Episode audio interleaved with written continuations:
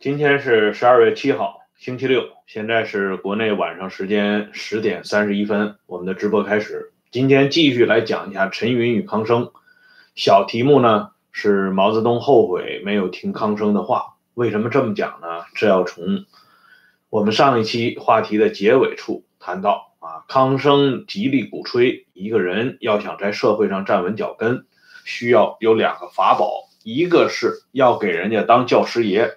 一个呢是要给人家当媒婆，这两点呢都是积累流量、积累人气的重要的途径。但是康生这一生呢，对于这两点来讲，就他个人来说，他还没有完整的把握住。倒是另外一个人啊，做的比他强得多。那这个人就是周恩来啊，周恩来夫妇这一生啊，给多少人介绍了。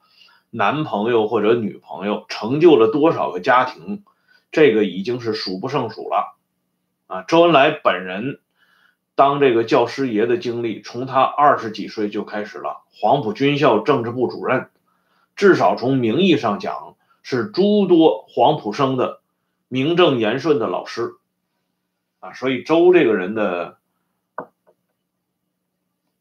资望为什么在党内这么高？啊，盘根错节，为什么能够这么树大根深？其实跟这两点有着直接的关系。现在我们来看一下啊，康生在同毛泽东谈论毛岸英、毛岸青兄弟的时候，康生提到一个最重要的点位，什么点位呢？就是毛岸英和毛岸青目前放在莫斯科不是最佳方案。康生还专门引用了 蒋经国的例子，他说：“这个小蒋呢，放在莫斯科，放在苏联人的眼皮底下，实际上等同于人质。所以，岸英和岸青兄弟如果有条件的话，还是要把他接回国内。但在那个时候呢，毛泽东羽翼未丰，他正是要取悦于莫斯科。”帮他扳倒眼前的这几座大山，啊，就是教条宗派和经验宗派。所以康生的这个话呢，毛泽东虽然听进去了，可是呢，在当时没有采取任何的行动。不过康生对毛泽东的这番启迪啊，给毛呢留下了至深的印象，并且呢，后来毛泽东等待条件成熟以后，把毛岸英接回国，并且。再也不允许毛岸英踏上苏联的领土啊！这件事情呢，师哲有一个具体的回忆啊。师哲有一本书叫《在历史巨人的身边》，在这本书当中，师哲讲了这么一件事情，就是一九四九年十二月份，毛泽东出访苏联，李克农护送到边境，为在边境与苏联交接方便。李克农就带了毛岸英同行。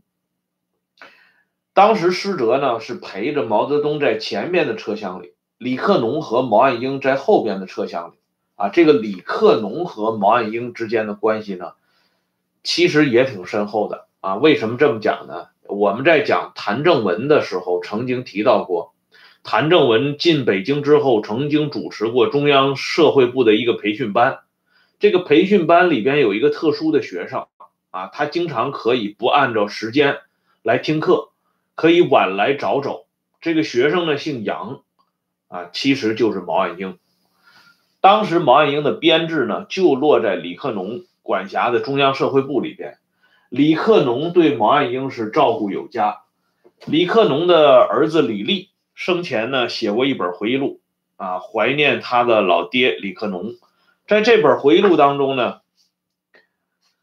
李立向我们讲述了一个事情，什么事情呢？他说，一九五零年啊，父母亲搬至朝阳门内大街一处接收的院落，比弓弦胡同稍大。毛岸英那时也在社会部工作，并在那里举办了婚事。新房是一间平房，父母亲在食堂请新婚夫妻吃了一顿便饭。可见呢，当当时在。照顾毛岸英这个问题上，李克农是竭尽全力的，啊，在给毛岸英操办婚礼方面，这李丽呢说的很简略，实际上当时李克农一反自己啊这种简朴的风格，为毛岸英夫妇张罗了很长一段时间，啊，可见呢李克农同毛岸英之间的关系也挺密切。所以呢，在出访苏联的时候呢，毛泽东的后车厢里边坐着的就是李克农和毛岸英。施哲这个时候呢，并不知道毛岸英也在车上啊，但是毛泽东当然知道了。到了东北以后呢。毛泽东专门把施哲叫到跟前儿，告诉他不要让毛岸英过境到苏联，并且让他转告李克农，边境交接工作结束以后，一定要把毛岸英带回去，不要让他过境苏联。这件事情呢，施哲当时并不理解啊，因为施哲不知道毛泽东和康生之间曾经有过这么一段关于毛岸英的谈话。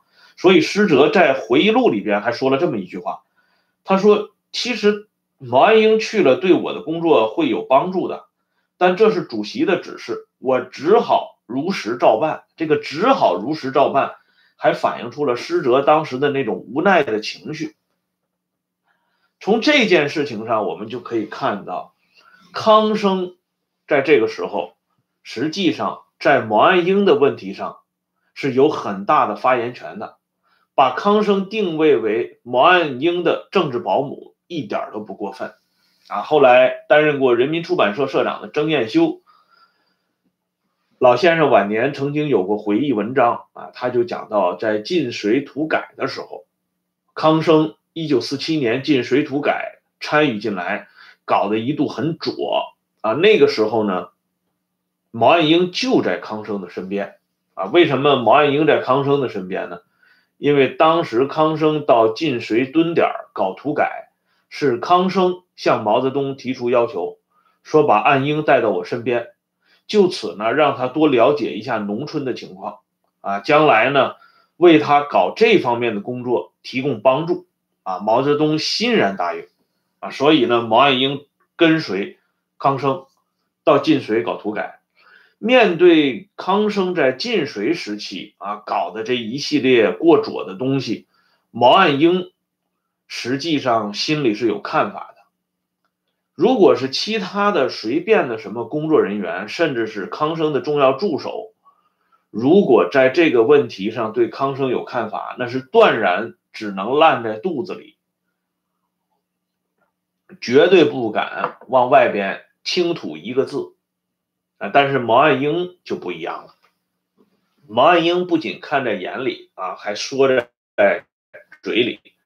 他同曾彦修之间还有过几次对话。曾彦修晚年呢，专门还回忆了。曾彦修认为毛岸英这个人啊，其实还是挺厚道的啊，因为毛岸英两次同曾彦修讲到，说康生这个做法呢，太太左了啊，这么对待土改运动，搞这些政策。确实是过分，但是这个话呢，也只有毛岸英敢说啊。换另外一个人说了的话，那马上就完蛋了。因为那个时候的康生仍旧是大权在握，虽然他在中共七届中央政治局选举当中的排名已经靠后，而且党内对他在抢救运动中的种种做法呢，也是非常不满。更重要的是，康生主动。啊，扛起了黑锅啊，把这个抢救沈干运动的黑锅呢，都自己一个人背了起来。所以那个时候康生的压力很大啊，他也是借着晋绥的土改的机会呢，暂避党内对他指责的锋芒啊。尽管如此，康生的权力没有受到实质性的削夺啊，从他处决王石卫这个事情上就能看出来。中央社会部的大权仍旧牢牢地掌握在康生手里，当然这也是毛的受益。但就在这个时候呢，毛岸英还能说出两句啊批评康生的话，而且最有意思的是啊，郑彦修这段话他就没有回忆了，因为这些毛岸英对康生的一些批评不可能传不到康生的耳朵里。康生的耳朵有多长啊？连毛家事他都能听到。啊，可想而知，这毛岸英这么一个年轻的小伙子，说话又这么不不注意，那康生怎么能听不到呢？但是康生啊没有任何的反弹，表现的非常平静。用今天的话讲，就是相当的淡定。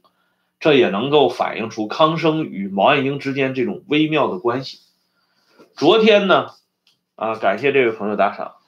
昨天我给大家展示一下夏衍的这个岁月如水的啊日记，啊，专门提到夏衍的日记，在他的子女编辑过程当中，为什么这个日记在一九四九年这一年的日记里边，只是从一九四九年九月份开始记载？而忽略了那个夏衍途经济南的那段特殊的经历。实际上呢，这个玄机就在康生与毛岸英与济南的这个会面上边啊。夏衍的日记里边是记载了，但是呢不方便公开出来给大家看啊，因为这里边呢大家看了这内容以后呢，容易浮想联翩。为什么说浮想联翩呢？因为那个时候呢，这个这一辆火车里边坐着夏衍，还有后来工商界民主人士盛丕华，还有潘汉年啊，还有其他几个呃领导干部。但同时呢，与夏衍一起上火车的，是一个穿着朴素，还略带腼腆神情的姓杨的小秘书。当时。上边的工作人员向夏衍介绍的时候，就是说这是杨秘书啊，跟你们这次一起走。夏衍也没有过多的关注这个杨秘书，但是让夏衍感到神奇的是，他们这些干部呢，坐这个火车的时候，中共中央啊，注意这个来头是中共中央，专门派出一个班的警卫战士跟随这辆车押车。所以夏衍觉得中央对他们真的很关怀。你看，我们坐火车嘛，中央还专门派一个警卫班保护我们。所以这件事情呢，给夏衍留下的印象很深。啊，夏衍不仅在日记当中写下了，在回录当中也有留痕。可是夏衍没有想到的是，人家这一个班的警卫战士十多号。啊，精兵强将，那是保护夏衍和潘汉年的吗？不是，而是保护这位姓杨的小秘书的。等到车途经济南下车以后，这个谜底才揭开。啊，昨天我不是讲了吗？康生热烈的拥抱潘汉年，并且同夏衍还叙了一下旧。但等到康生见到这位杨秘书的时候，康生一把就把这杨秘书拉到身边，然后呢，须臾不可分离。啊，康生在整个的这个接待过程当中呢，一直是拉着这个姓杨的秘书的手的。然后呢，晚上吃饭的时候，康生作为东道，给大家接风洗尘，摆了一桌非常丰盛的宴席。在吃饭的时候，夏衍就注意到了。康生紧紧地拉住这个姓杨的秘书，坐到自己的旁边。啊，康生让杨秘书坐到自己的旁边，连潘汉年啊都到不了这个级别。身为中共中央政治局委员、委员、中共山东分局书记的康生，把这么一个穿着朴素、神情腼腆的杨秘书拉到身边，而且康生亲自给这个杨秘书布菜啊，就是夹菜嘛。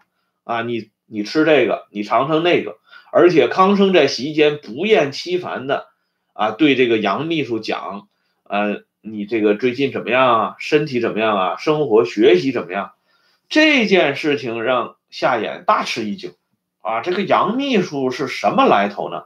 后来夏衍才知道，这位杨秘书就是毛泽东的长子毛岸英，可见康生以及那一个班的警卫战士。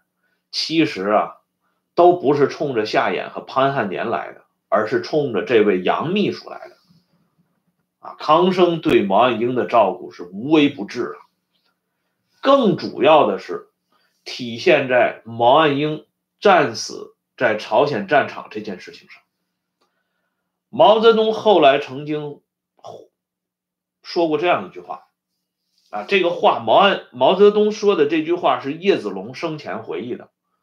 啊，毛泽东曾经说过，他说后悔不听康老的话呀，啊，白白的让岸英丢了性命。这康生到底说过什么话呢？啊，这叶子龙没有讲过，但是叶子龙说了这么一段话，就是说毛泽东曾经有过这么一番感慨，所以我们顺着毛的这番感慨。来捋一下这个线线索，或者说理一下这个线条，那么我们就能够知道，那一定是康生同毛泽东说了关于如何安全保卫毛岸英个人的这个问题，而毛泽东呢忽略了这个康生的嘱咐，因此才导致一九五零年十一月二十五号发生的那一幕，毛岸英让人家活活给烧死了。啊，所以呢，从毛泽东流露出的这番话啊，因为以往的党史教科书里边向我们展示的都是毛泽东那种啊，为了国家啊，为了民族，为了社稷啊，忽略了自己的子女的安危，甚至呢，当毛岸英战死的消息报到他这里。以后呢，他还能够平静的说：“谁让他是毛泽东的儿子呢？”这些实际上都是做给外边人看的。毛泽东内心的啊，这个心情的翻滚，那种波涛汹涌，恐怕外人是无从窥测的。但是叶子龙作为毛泽东身边的工作人员，他捕捉到了毛偶然间说的这番话啊，为我们得以了解毛泽东当时的。内心世界啊，提供了一把很好的钥匙。虽然这个钥匙呢，只能打开外边的这一层门，但也已经足够了。这彰显出毛泽东、康生和毛岸英之间的这种三角关系。当毛岸英死了以后呢，康生又把这种关怀的神情啊和这种关注的情怀放在了毛岸青的身上。他在毛岸青身上呢，又倾注了几乎同毛岸英一样的心血。本来呢，这党内在关于照顾主席的亲人方面，实际上是有一个约定俗成的分工的。啊，为什么这么讲呢？周恩来负责照顾江青，啊，否则周恩来那个胳膊也不会摔断。啊，连江青跑马这种事情，周恩来都要亲自过问。啊，亲自的传帮带，啊，这个总理呢，对主席身边的人，那真的是无微不至的照顾。而这个毛岸英呢，是交付给康生来照顾。这个前面我们已经说了，那几乎就是政治保姆。毛岸青呢，是交给李富春和蔡畅两个人照顾。李富春和蔡畅还是毛岸青的入党介绍人。但是毛岸英去世以后呢，就像我们刚才引用叶子龙的那个回忆一样啊，毛泽东感叹，认为呢没有听康生的话，让毛岸英折了，所以这毛岸青的这个事情呢，毛泽东就默许由康生接手。这李富春这个人啊，最大的特点，这个人就是特别有眼力劲儿啊，特别会察言观色，所以人家最后能够在。风起云涌的文化大革命前夕，中共八届十一中全会上被选举为中央政治局常委，那不是白来的啊！我给大家举一个李富春的小故事。当初呢，在延安时期啊，叶剑英啊就夸这个周恩来，说这个恩来同志是我们党内的骆驼啊，这个骆驼负重远行啊。周恩来听了这番话呢，就马上表示谦虚。周恩来说：“我不是骆驼，我就是个毛驴子。”这李富春当时也在现场啊。这李富春一听周恩来说自己是毛驴子啊，李富春马上就接了一句话。李富春说：“恩来，你要是毛驴子的话，我连毛驴子的一条腿都赶不上啊！你看看人家富春同志这个胸怀啊，这种谦虚的态度。”还有我们这个敬爱的叶帅，这叶帅呢，后来在任弼时死了以后呢，他曾经做过一篇专门的悼念文章，他就称任弼时为党内的骆驼啊，可见呢，这个骆驼是咱们叶帅经常拿来夸别人的专用名词。但是人家富春同志呢，最谦虚，连毛驴子的一条腿都赶不上。你说这么伟大的一位无产阶级革命家啊，把自己同毛驴子的一条腿进行挂钩，这种胸襟啊，一般人真的是拍马都赶不上。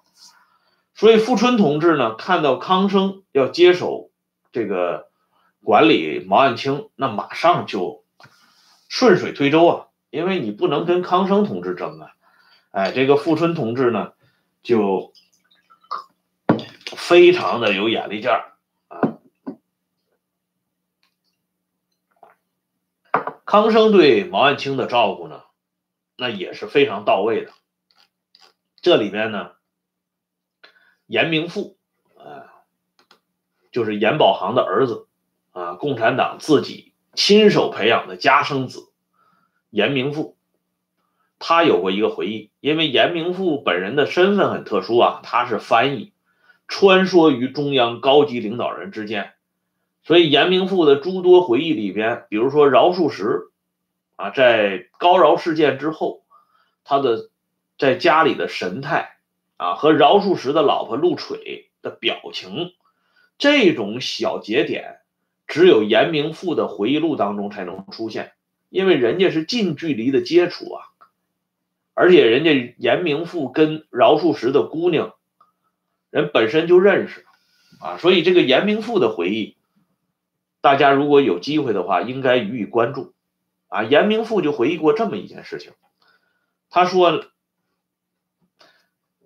在莫斯科啊，他陪同康生啊，他们到莫斯科访问的时候，康生在回去的路上。康生就说过这样一句话，他说：“这个目前岸青住在这个地方是一个高级干部疗养院，条件是很好的，但是还是要想办法把岸青接回国内。再好也是异国他乡，岸青回国以后会比在苏联有好得多的条件，将来再在医护人员中找个爱人，终身都有人照顾。”这康生说的这番话，在严明富的回忆当中出现了，其实也恰恰的啊反证出之前康生反对把岸英和岸青兄弟放在苏联，特别是毛泽东嘱咐施哲让李克农务必不让毛岸英再踏上苏联一寸领土这个事情的真实性，而且康生后边的这个安排，就是说将来在医护人员里边。找一个工作人员，就是护士嘛，女护士，跟这个岸英、岸青呢结成伴侣，这样一生呢，对岸青都有一个很好的照料。感谢这位朋友打赏啊，谢谢。这件事情上呢，应该说毛泽东啊又没听这个康老的话，这康老的又一次的计划呢也给打打破了。最后呢，我们都知道。毛岸青的妻子呢是少华，但是在照顾毛岸青这件事情上，说实话，康生是这个预见性真的是很有前瞻性的，因为后来呢，据了解啊毛岸青的人啊，特别是了解毛岸青晚年生活的人知道，晚年的毛岸青啊照顾起来非常不方便，这个少华也没有学过护理，他在这方面呢欠缺很多。再加上少华本人呢，也喜欢抛头露面，所以照顾毛岸青的工作呢，就落在六个战士的身上。当时江泽民呢，给毛岸青的规格是很高的啊。照顾邓小平的未亡人卓林是六个战士，照顾毛岸青也是六个战士啊。谢谢这位朋友啊，也祝你圣诞快乐。啊，这规格是同等的。但是要知道啊，这战士照顾毛岸青和自己家里人照顾毛岸青，那手轻手重还是有区别的。所以在寻找毛岸青最终的伴侣这个问题上，康生实际上是提出了一个很严峻的话题，只是这个话题最后解答的不够好。给毛岸青晚年的生活呢带来了一定的不便和痛苦。这个代表团回到北京以后啊，严明富回忆说，过了一段时间，康生的秘书李鑫，就是后来担任中央办公厅副主任、抓捕江青的带头人的李鑫。李欣跟严明富说，康生见了江青，对江青专门讲了在莫斯科看望毛岸青的事情，并建议接岸青回国，以便安排更好的治疗。这江青啊，听了以后非常激动，江青就把康生。看望毛岸青这件事情，转而就向毛泽东说了啊。江青还说了这么一番话啊。江青的原话，严明富是这么回忆的：江青对毛泽东说：“你的老战友那么多人去莫斯科，从来没有人去看我们的孩子，还是康老对他好，专门去看望他，还建议将岸青接回来治疗啊。”后来呢，严明富说：“果然啊，国内派人到莫斯科把岸青接了回来。”从这个小事上来看啊，康生深度插手毛的家务。要知道，毛是最忌讳别人管他家里人的事情，甚至像罗瑞卿这样的人啊，他因为受到毛的误解，以为他干预少华的事情，所以呢，把这个罗瑞卿曾经一度冷落。后来经过毛泽东的护士长吴旭军的啊说相啊，就是。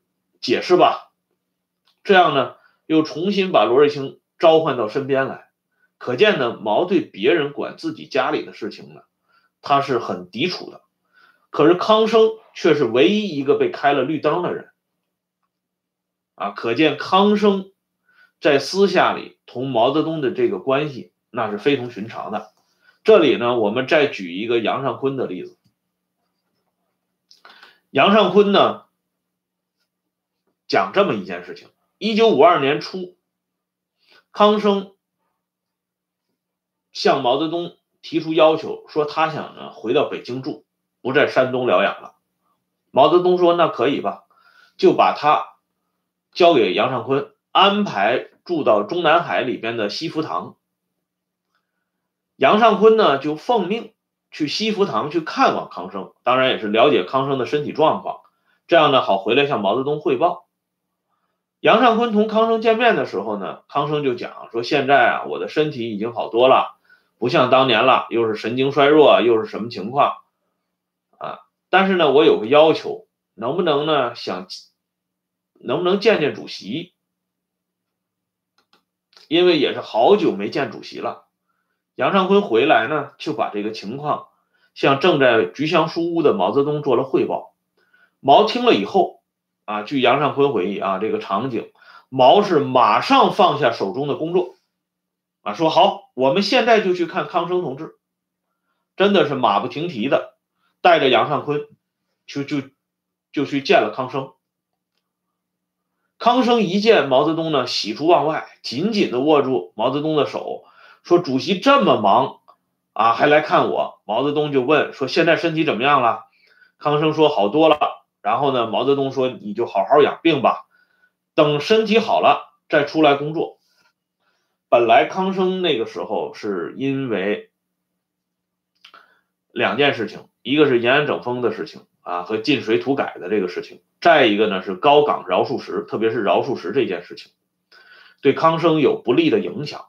所以毛泽东那个时候也就是就坡下驴，借着康生身体不好，让康生躲在青岛。躲风，其实就是暂时的把康生给冷冷藏起来。但这个时候呢，他五二年年初啊见了康生以后啊，这个时候饶漱石还没有暴露出来啊。但是那个时候饶漱石的事情有一段事情已经牵扯到了康生，这个后边我们在讲高饶事件的时候会讲到啊。但是这个时候呢，毛泽东见到饶呃见到康生的时候，已经明确给康生递出了信号。就是等你身体养好了，可以出来工作。所以后来呢，毛泽东把中央理论小组这么重要的工作呢，交给了康生。而且后来也是毛泽东保护过关，把他当初和饶漱石在历史上的一段纠缠呢，轻易的就给翻篇了。所以康生见到毛泽东以后非常兴奋，等到毛泽东走的时候呢，康生紧紧的握住杨尚昆的手，激动的说：“啊，尚昆同志，你就是我的再生父母啊！真不知道怎样感谢你才好。”这杨尚昆回忆到这里以后呢，还挺气愤。他说：“这康生啊，说我是他的再生父母，啊，不知道怎么感谢我才好。结果最后他是怎么感谢我的？我的专案就是康生抓的。”啊，康生在我的专案上面写的那些乱七八糟的批示，我后来都看到了。啊，他就是这么感谢他的再生父母的。啊，杨尚昆还表达了一下对康生的不满。总之呢，从这些小事情上，我们就可以看到毛泽东对康生的这种关注和康生啊无限忠于毛泽东及其家庭的这种表现，两者是非常搭的。但如果就是这些鸡零狗碎的事情，让康生能够站到毛泽东，成为毛身边这延安时期的第一号鹰犬，那是决然不可能的。因为康生为毛泽东办了几件大事儿啊，其中最大的一件事是什么呢？咱们明天接着讲。今天呢，先说到这里，感谢两位朋友的打赏，我们明天再见。